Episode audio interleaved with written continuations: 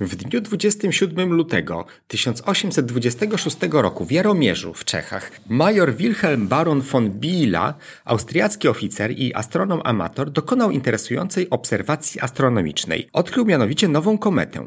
Dopiero później okazało się, że była ona już widziana w 1772 roku i 1805, która po badaniach i obliczeniu trajektorii okazała się być kometą okresową o okresie obiegu wynoszącym 6 lat i 226 dni. Nazwany imieniem odkrywcy Biela, ciało niebieskie wywołało prawdziwą sensację wśród uczonych w roku 1846, kiedy to na oczach obserwatorów rozpadło się na dwie części. Był to pierwszy widziany na żywo przypadek podziału jądra komety.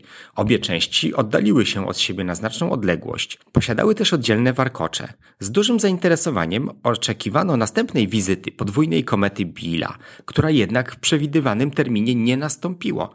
Trzeba więc było uznać, że niesforny obiekt kosmiczny uległ zagubieniu i już nigdy nie rozjaśni firmamentu nad głowami mieszkańców naszej planety. Czy aby na pewno? Bądź ciekawy. W tym odcinku Wszystko Wszędzie wyjaśnimy, co się dalej wydarzyło.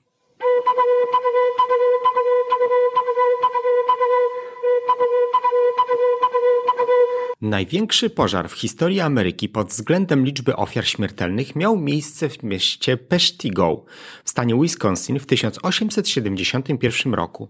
Większość ludzi nie ma o nim pojęcia, a nawet ci, którzy mieszkają w regionie, nie są świadomi katastrofy, która się wydarzyła na ich własnym podwórku. 155 lat później spekuluje się, że przyczyna pożaru mogła pochodzić z bardzo nietypowego źródła, a niektóre dane z innych pożarów mogą pomóc w rozwiązaniu tej zagadki.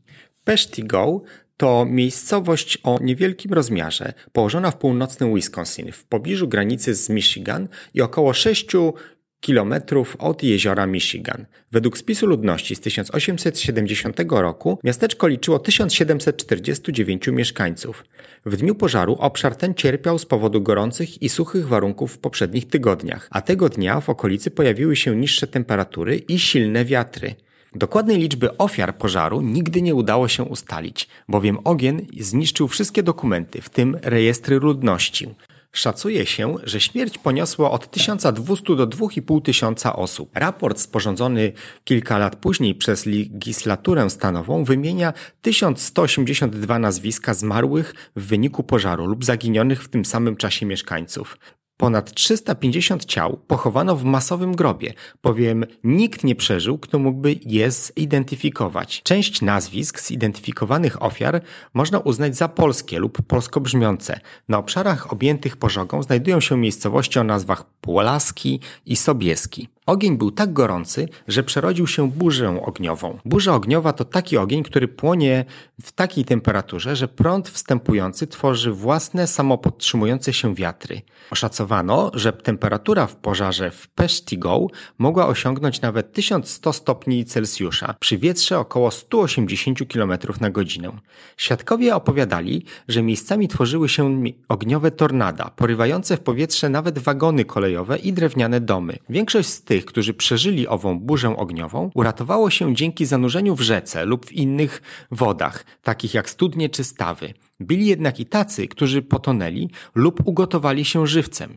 Kolejny pożar miał miejsce również w Wisconsin, niedaleko pożaru Peshtigo. Miało to miejsce po drugiej stronie Green Bay w południowej części półwyspu Door w stanie Wisconsin. Pożar ten miał również miejsce w 1871 roku, ale nie był na szczęście tak niszczycielski jak pożar w Peshtigo. W 1871 roku wybuchł kolejny pożar, tym razem nad jeziorem Michigan, zwany jak Wielki Pożar Michigan. Był to zbiór pożarów lasów, które dotknęły miasta Alpena, Holland, Mazzoni, wszystkie położone na wschodnim brzegu Wielkiego Jeziora Michigan. Pożar też ten nie był tak śmiercionośny jak pożar Peshtigo, ale zginęło kilkaset osób. Kilka małych miasteczek zostało całkowicie zniszczonych. Całkowita liczba ofiar śmiertelnych nie jest znana, ponieważ w tym czasie w lesie było tysiące drwali i nikt nie wie ilu było i ilu zginęło. Jest jeszcze jeden pożar z 1871 roku, o którym należy wspomnieć. Był to pożar w Port Huron. Port Huron znajdowało się po przeciwnej stronie stanu Michigan, w pobliżu granicy z Kanadą, wzdłuż jeziora Huron. Miasta White Rock i Port Huron zostały poważnie zniszczone i szacuje się, że w tym pożarze zginęło około 50 osób. Jest jeszcze jeden wielki pożar z 1871 roku w Stanach Zjednoczonych na wschodniej części, który wymaga omówienia. Jest to wielki pożar Chicago. Jeżeli jest jedna katastrofa z tej listy, o której prawdopodobnie mogłeś słyszeć, to właśnie ta. Legenda głosi, że ogień w Chicago został zapruszony przez krowę pani O'Larry, która kopnęła lampę naftową z niecierpliwości, czekając na wydojenie. Jednak tak naprawdę było to nic innego jak szukanie kozła ofiarnego z tamtego okresu. W 1893 roku reporter Chicago Tribune przyznał, że historia ta została przez niego całkowicie zmyślona. Pożar w Chicago pozbawił dachu nad głową ponad 100 tysięcy osób z 300 tysięcy mieszkających wówczas w Chicago i zabił ponad 300 osób. Pożar w zasadzie spowodował całkowitą odbudowę Chicago i był przyczyną stworzenia najsurowszych przepisów przeciwpożarowych w kraju. Chicagowski Miejski Oddział Straży Ogniowej Dostał informację o ogniu dopiero o godzinie 21.40, kiedy alarm podniosła jedna z aptek. Pożar był wciąż niewielki, a strażak dyżurny zbagatelizował ostrzeżenie, uważając, że łuna na niebie pochodzi z dopalających się zgliszcz z poprzedniego dnia. Pożar szybko ogarnął sąsiednie zabudowania, a gorący wiatr rozniósł kulę ognia na północny wschód. Gdy płomienie ogarnęły wysoką wieżę kościoła nad brzegiem południowego ramiona rzeki Chicago, ogień z łatwością pokonał tę wąską przeszkodę wodną. Sprzyjające rozprzestrzenianiu się pożaru były zabudowane blisko siebie drewniane budynki, żaglowce zabudowane wzdłuż rzeki, wykładane drewnem ulice i chodniki, stosy drewna i węgla zgromadzone w portowej części miasta nad rzeką. Rozmiar pożaru powiększał bardzo silny wiatr i wysoka temperatura, wskutek czego dachy zapalały się nawet w znacznej odległości od miejsc właściwego pożaru. Ognia nie udało się opanować. Burmistrz wezwał nawet na pomoc sąsiednie miasta, ale w momencie tym był pożar tak rozległy, że nie można było skutecznie z nim walczyć. Gdy płomienie zniszczyły stację pomp położoną na północ od rzeki Chicago, miasto zostało pozbawione wody i strażacy musieli się poddać. Gdy ogień dotarł do centrum miasta, był już tak potężny, a temperatura tak wysoka, że nie oparły mu się murowane hotele, ani kościoły, ani fabryki.